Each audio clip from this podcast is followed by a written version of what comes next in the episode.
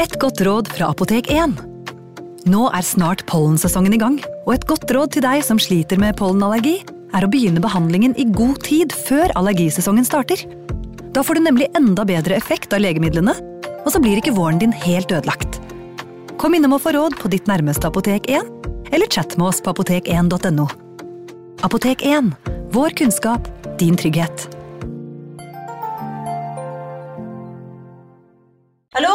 Jeg kommer fra Oslo politikammer. Ine Jansen er purk. Er du purk? The motherfucking bitch. Alt jeg vil, er å finne ut hva som skjedde med mannen min. Jon Carew. Er jeg sikta for noe? Iben Akeli. Det er du.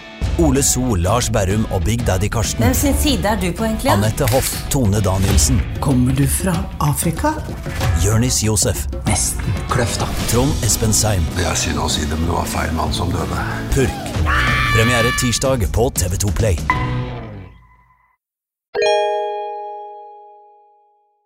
Hei! Takk for at du lytter til True Crime Podden dokumentar. Skulle du ønske at du kunne høre en ny episode av denne podkasten hver eneste uke? Vel, da er det bare å laste ned podkastappen Untold med en gang. I tillegg til ukentlige episoder av podkaster som Skrekkpodden, Synderne og True Crime Podden, får du masse annet reklamefritt og eksklusivt innhold. Last ned Untold i AppStore eller Google Play, og start din 30 dagers prøveperiode i dag. you.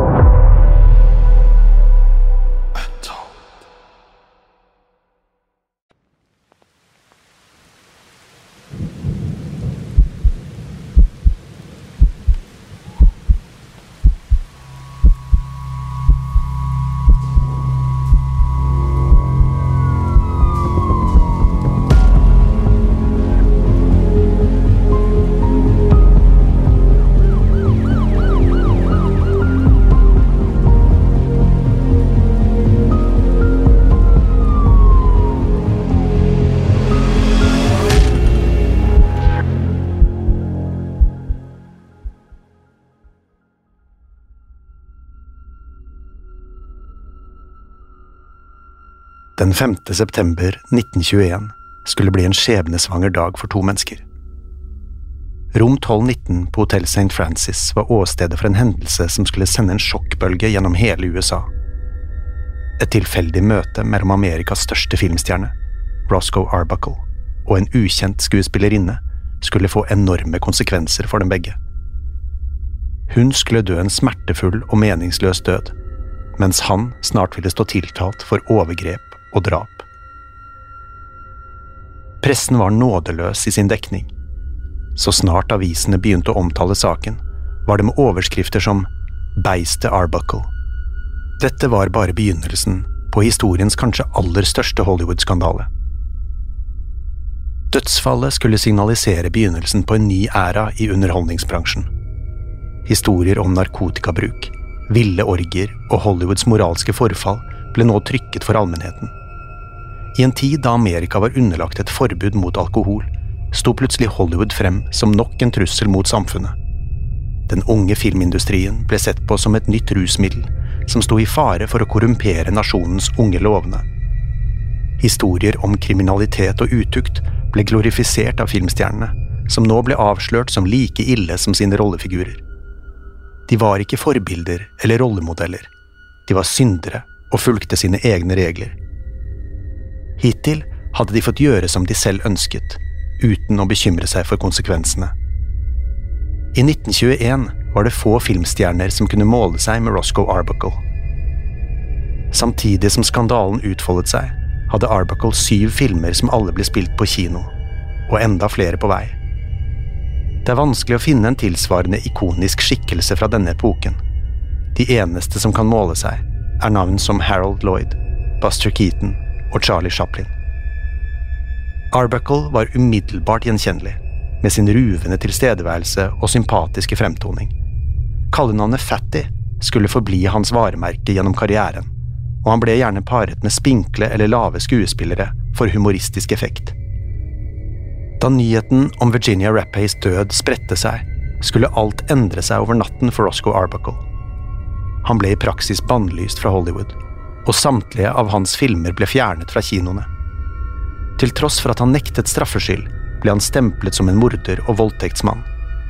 Arbuckle ble dermed symbolet på synden og umoralen som herjet i Hollywood. Hans ettermæle skulle forbli svertet av anklagene, og hans mange filmer glemt eller ignorert i en årrekke. Så hvem var Roscoe Arbuckle? Og hva hendte egentlig den skjebnesvangre septemberkvelden på rom 1219?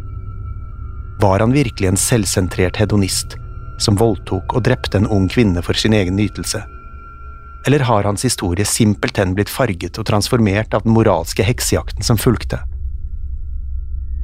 Virginia Rappay forblir ofte en tragisk fotnote i fortellingen om Roscoe Arbuckle.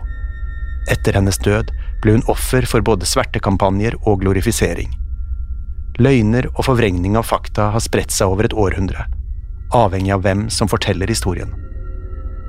Dette er den tragiske fortellingen om to liv, og en av Hollywoods første og definerende skandaler.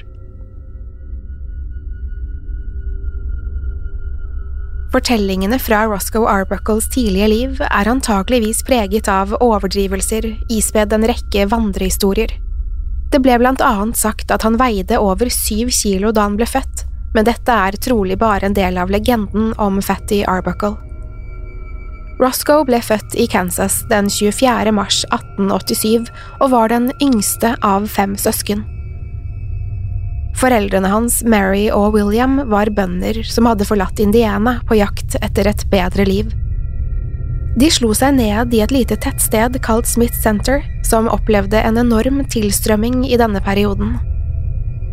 Det var et hardt liv for familien Arbuckle, og det var forventet at barna bidro til gårdsdriften. Selv om de hadde skaffet seg et lite stykke land, var det likevel store begrensninger når det kom til ressursene. Mangel på tømmer og andre materialer gjorde at mange tilflyttere måtte improvisere. Roscoe vokste dermed opp i et primitivt hus, konstruert av torv. Tilværelsen ble ikke bedre av at hans far William Arbuckle var en voldelig alkoholiker. Roscoe var riktignok ikke mer enn ett og et halvt år da familien igjen pakket sakene og flyttet på seg.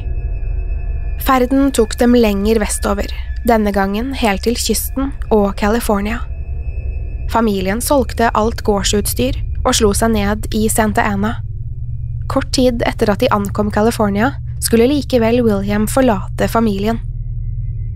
Mary og barna måtte dermed klare seg på egen hånd Roscoe var kun fem år da han begynte å løpe ærender for lokale kjøpmenn. Over de neste årene flyttet søsknene ut av familiehjemmet, og yngstemann Roscoe ble boende alene med moren. Hun tjente noen penger på å leie ut deler av huset, men tilværelsen var likevel preget av fattigdom. Roscoe ble beskrevet som et ensomt barn som stort sett holdt seg for seg selv hjalp moren eller forsøkte å tjene litt ekstra penger. Selv om de aldri hadde mye penger, var Roscoe allerede lik seg selv. Han var kraftig bygd og ble ertet av de andre barna for vekten. Det var de som først døpte han Fatty, et tilnavn han hatet fra første stund. Det var en krevende tid for den unge gutten, men Roscoe oppdaget snart at han hadde et kall i livet. Han snek seg nemlig inn på vaudeville-teatrene og studerte de livlige skuespillerne og sangerne på scenen. Snart begynte han å drømme om å selv stå der oppe og ta imot publikums ville applaus. Roscoe var bare åtte år da han debuterte på scenen. Han ble plukket ut til å delta i en opptreden da den opprinnelige skuespilleren ikke møtte opp. En av aktørene la merke til Roscoe og følte at han hadde riktig utseende til å fylle rollen. Scenedebuten er neppe noe man ville snakket høyt om i dag. Roscoe ble nemlig malt svart i ansiktet og spilte rollen som en afroamerikansk gutt. Snart hadde han blitt en fast del av showet og ble gradvis mer selvsikker og trygg på scenen. Han tjente dessuten langt bedre enn hva en åtteåring kunne drømme om. Roscoe var bare tolv år gammel da moren Mary døde, og livet ble igjen vendt på hodet. Han bodde i en periode hos en søster, men til slutt reiste han nordover for å bo hos faren, som nå drev et lite hotell i Watsonville. Da Roscoe ankom togstasjonen, ble han sittende og vente på faren i timevis. Han fant til slutt veien til hotellet, men fikk beskjed om at William Arbuckle ikke var å finne der. Faren hans hadde allerede solgt hotellet og forlatt byen. Han hadde heller ikke etterlatt noen beskjed til Roscoe, som nok en gang hadde blitt forlatt av faren sin. Uten verken penger eller noe annet sted å dra, fikk Roscoe tilbud om å bli boende på hotellet. Forutsetningen var at den unge gutten jobbet for kost og losji. Han begynte etter hvert å opptre med sang og andre ablegøyer for hotellets gjester, og dette ble raskt en ekstra inntektskilde. Roscoe forsto snart at han hadde en spesiell evne til å underholde. Han hadde en vakker stemme og en naturlig tilstedeværelse på scenen. I tillegg skulle han snart oppdage talent for slapstick og fysisk humor. Da Roscoe nærmet seg tenårene, ble han igjen invitert til å bo hos faren og hans nye kone. Han hadde allerede gitt opp skolen, og tok heller ulike småjobber eller drev dank. De andre barna mobbet han fremdeles for vekten, og gikk nå til fysisk angrep i tillegg. Selv om han hadde flyttet flere ganger, hadde tilnavnet Fatty forfulgt han hvor enn han dro. Det var heller ingen trøst å finne hjemme. Faren hans var fremdeles alkoholisert, og Roscoe fikk jevnlig føle hans raseri. Faren kunne blant annet kvele ham, eller smelle hodet hans mot en trestamme når han virkelig mistet besinnelsen. Roscoe ble slått med både belter og knyttnever, gjerne i kombinasjon med de samme kallenavnene som barna kastet etter han. Enda mer sårende var måten William insisterte på at Roscoe umulig kunne være hans sønn.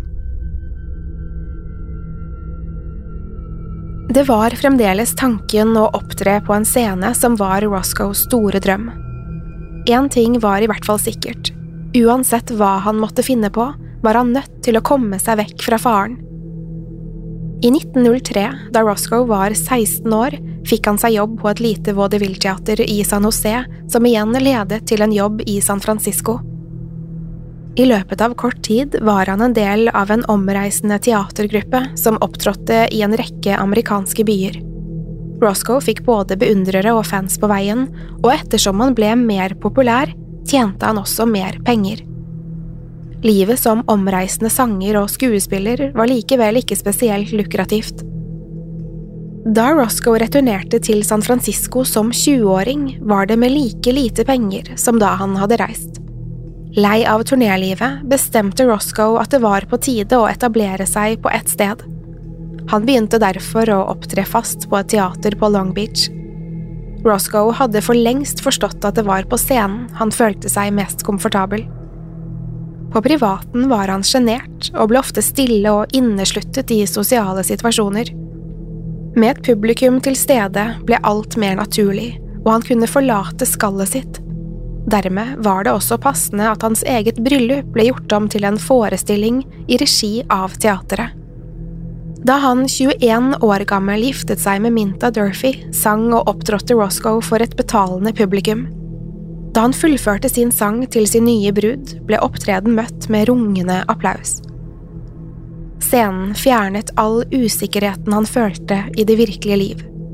Roscoe hadde kun kjent Minta Durfee i seks uker, men på scenen ble bryllupet like fullt en hyllest til ekte kjærlighet. Samtidig som Roscoe begynte å finne sin stemme, blomstret opp en ny filmindustri i California. Der film tidligere ble sett på som en kortvarig trend, begynte unge filmskapere nå å utforske det nye mediet. Populariteten til de korte, ofte humoristiske filmsnuttene skjøt i været, og publikum strømmet til kinosalene. De tidlige stumfilmene var som skapt for utøvere som Roscoe Arbuckle. Han hadde utviklet et bredt komisk repertoar fra vaudeville-scenen som enkelt lot seg overføre til slapstick-komedier. Hans evne til å produsere både grasiøse bevegelser og vågale stunt kom som en overraskelse på publikum. Roscoes varemerke på scenen hadde riktignok vært hans vakre sangstemme, noe han ikke fikk vist frem i stumfilmene. Han var derfor usikker på om han egentlig hadde noe å fare med som filmskuespiller. Det var stor kontrast mellom Roscoes tidlige filmroller og stjernestatusen som ventet noen få år senere.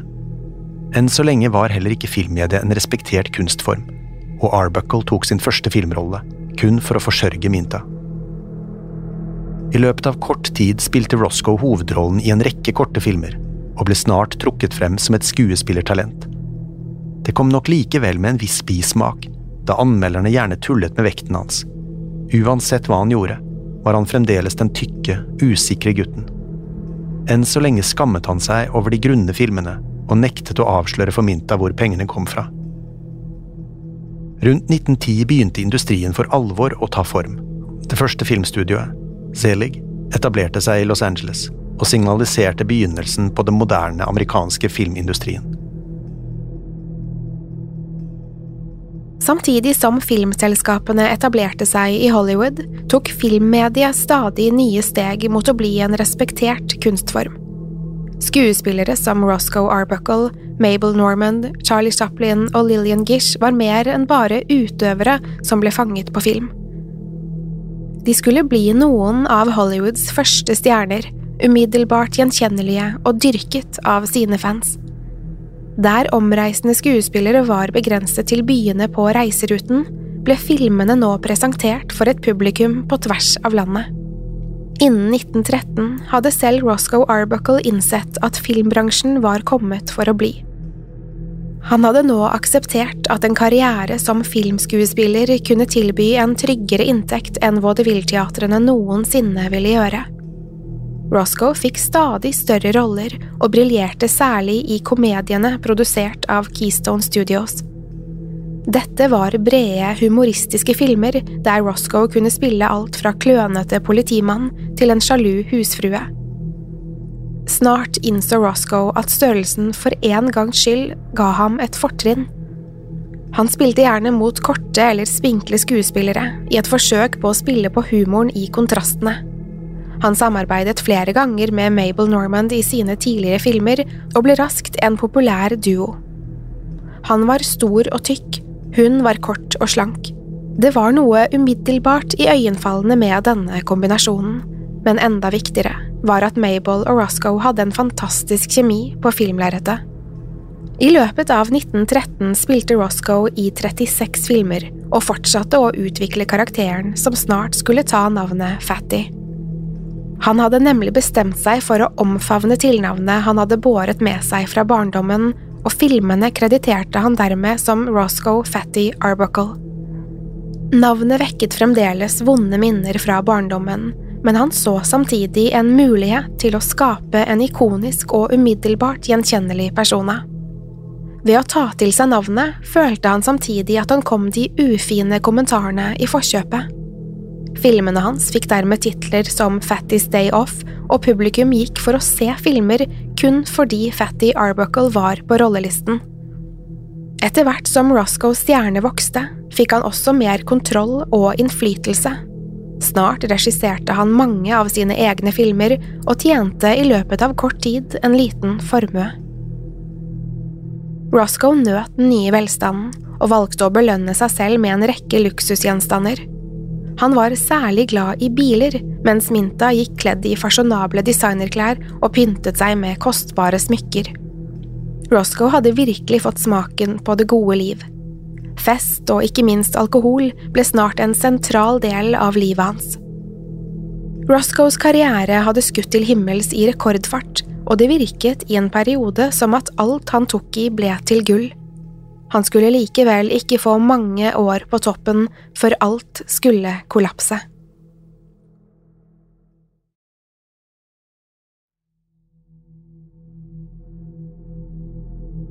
Nyheten om at en av Hollywoods aller største stjerner var mistenkt for drap, var nesten ubegripelig.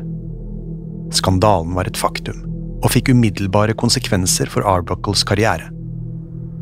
Historien om hva som hadde hendt på rom 1219 på Hotell St. Francis, hadde allerede begynt å spre seg, mens pressen trykket avslørende detaljer om Roscoe Arbuckle.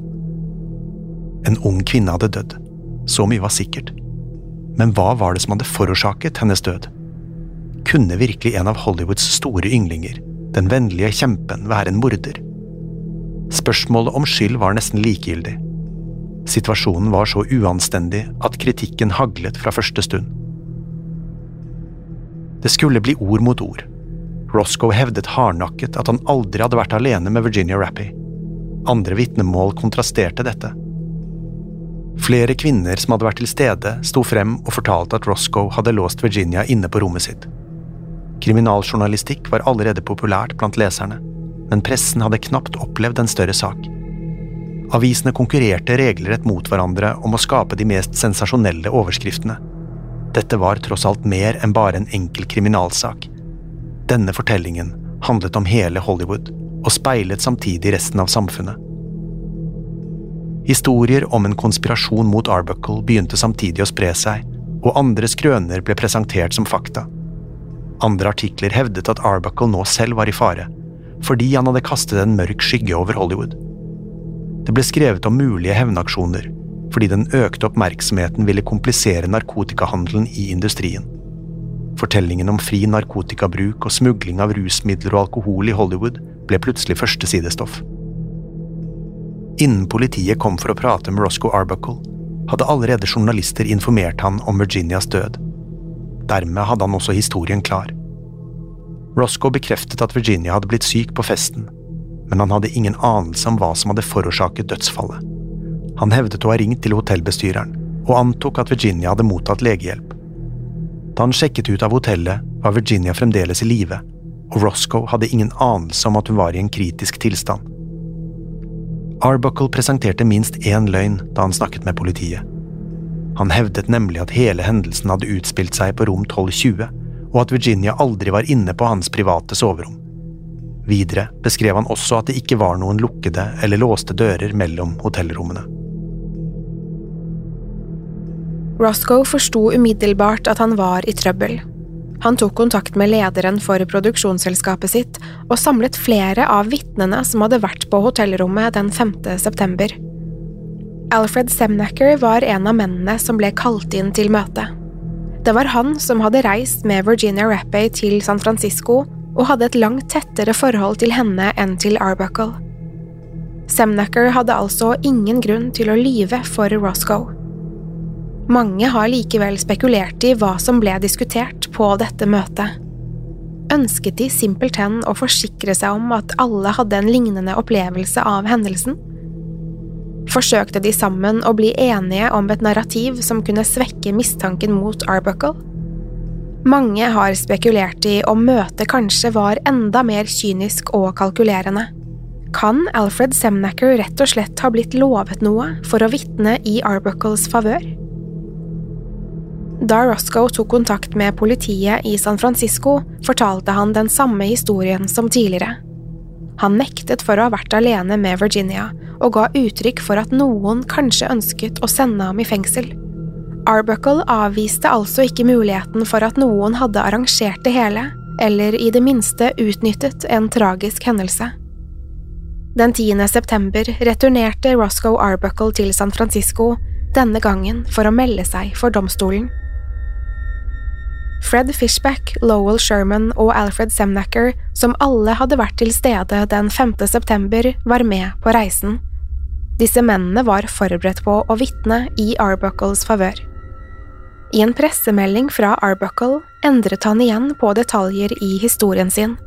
Han hadde tidligere hevdet at han aldri hadde møtt Virginia Rappay tidligere, men fortalte nå at han hadde kjent henne i fem år. Utover dette forble de fleste detaljene uendret. Saken ble umiddelbart langt mer komplisert da det ble presentert en uttalelse fra tre av kvinnene som hadde vært til stede. Denne uttalelsen hevdet at Roscoe hadde overfalt Virginia, og at han var ansvarlig for hennes bortgang. Arbuckle hadde på forhånd planlagt å innrømme straffskyld for brudd på alkoholforbudet, men da anklagene om drap og overgrep ble rettet mot han, valgte han å ikke svare på noen av etterforskernes spørsmål. I et tre timer langt politiavhør åpnet han ikke munnen en eneste gang. Senere den kvelden ble Roscoe Arbuckle arrestert for drapet på Virginia Rappay. Basert på de kvinnelige vitnenes uttalelser ble det antatt at Virginia hadde dødd som følge av skader hun ble påført da Roscoe forsøkte å voldta henne. Blitsregnet haglet etter at anklagene mot Arbuckle ble presentert. Den vanligvis så lystige mannen sto nå gravalvorlig, mens han tok inn over seg hva som akkurat hadde hendt. Han ble ledet vekk fra folkehavet og videre til sin nye fengselscelle. Rundt om i landet hadde de fleste allerede gjort seg opp en mening om Arbuckles skyld.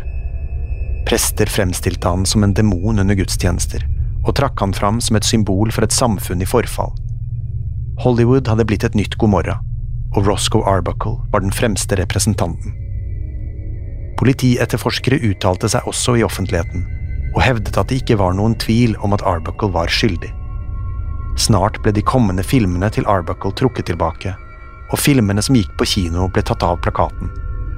Hos Paramount Pictures var det full panikk, ettersom deres største stjerne og sikreste kort var anklaget for drap. Likevel var det flere som ga sin støtte til Arbuckle. Hans gamle venn Charlie Chaplin sto frem og mente at det var fullstendig ubegripelig at Roscoe kunne ha gjort noe så grusomt. Fortellingen om Roscoe Arbuckle forblir like relevant i dag. Det er lett å trekke paralleller til nyere saker der mektige menn blir felt for sine synder. Harvey Weinstein, Bill Cosby og Kevin Spacey er bare noen moderne eksempler på hva som skjer bak fasaden av glamour i Hollywood. Dette var en av de første store skandalene som virkelig åpnet verdens øyne mot hva som skjuler seg under overflaten. Til denne dag forblir likevel hva som egentlig fant sted på rom 1219 et mysterium. Det har riktignok blitt gjort flere forsøk på å samle den tilgjengelige informasjonen fra åstedet. Fra øyeblikket anklagene begynte å hagle, var i praksis Arbuckles karriere over. Men var han virkelig en morder, eller var han bare på feil sted til feil tid? I neste episode skal vi utforske hva som skjedde den skjebnesvangre kvelden på rom 1219 og det tragiske hendelsesforløpet som ledet til Virginia Rappays død.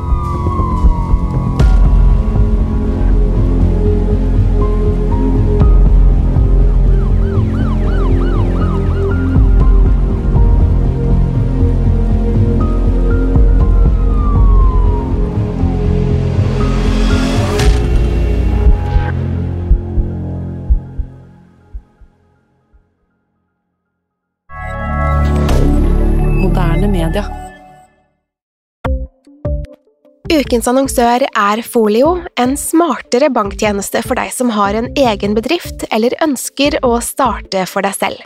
Folio er en superenkel nettbank for bedrifter.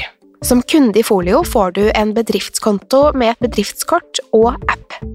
I denne appen er det smarte løsninger som forenkler regnskapet ditt, uansett om du har en liten bedrift eller et enkeltpersonsforetak. Folio er både intuitivt og brukervennlig, og er laget med et enkelt språk. I tillegg tilbyr de forutsigbare priser og ingen skjulte gebyrer. Skulle du likevel trenge det, så kan du snakke med deres raske og hyggelige kundeservice, og der får du prate med en faktisk person og ikke en chatbot. Folio er med andre ord både enklere og koseligere enn banken. Over 10 000 bedrifter har allerede valgt Folio som sin banktjeneste, så besøk folio.no og se hvordan Folio kan forenkle din hverdag også. Har du et enkeltpersonforetak eller en liten bedrift? Da er du sikkert lei av å høre meg snakke om hvor enkelt det er med kvitteringer og bilag i fiken, så vi eh, gir oss her, vi. Fordi vi liker enkelt. Fiken superenkelt regnskap. Kiwi er billigst i VGs matbørs og har vært billigst i fire av de fem siste VGs matbørser. Og nå presser vi prisene på frukt og grønnsaker. På 200 gram broccolini setter vi prisen til 24,90. På 400 gram Cevita blåbær setter vi prisen til 49,90. Og husk, alle Kiwi Pluss-kunder får i tillegg 15% trumfbonus på all fersk frukt og grønt. For det er vi som er prispresserne. Og vi i Kiwi gir oss aldri på pris.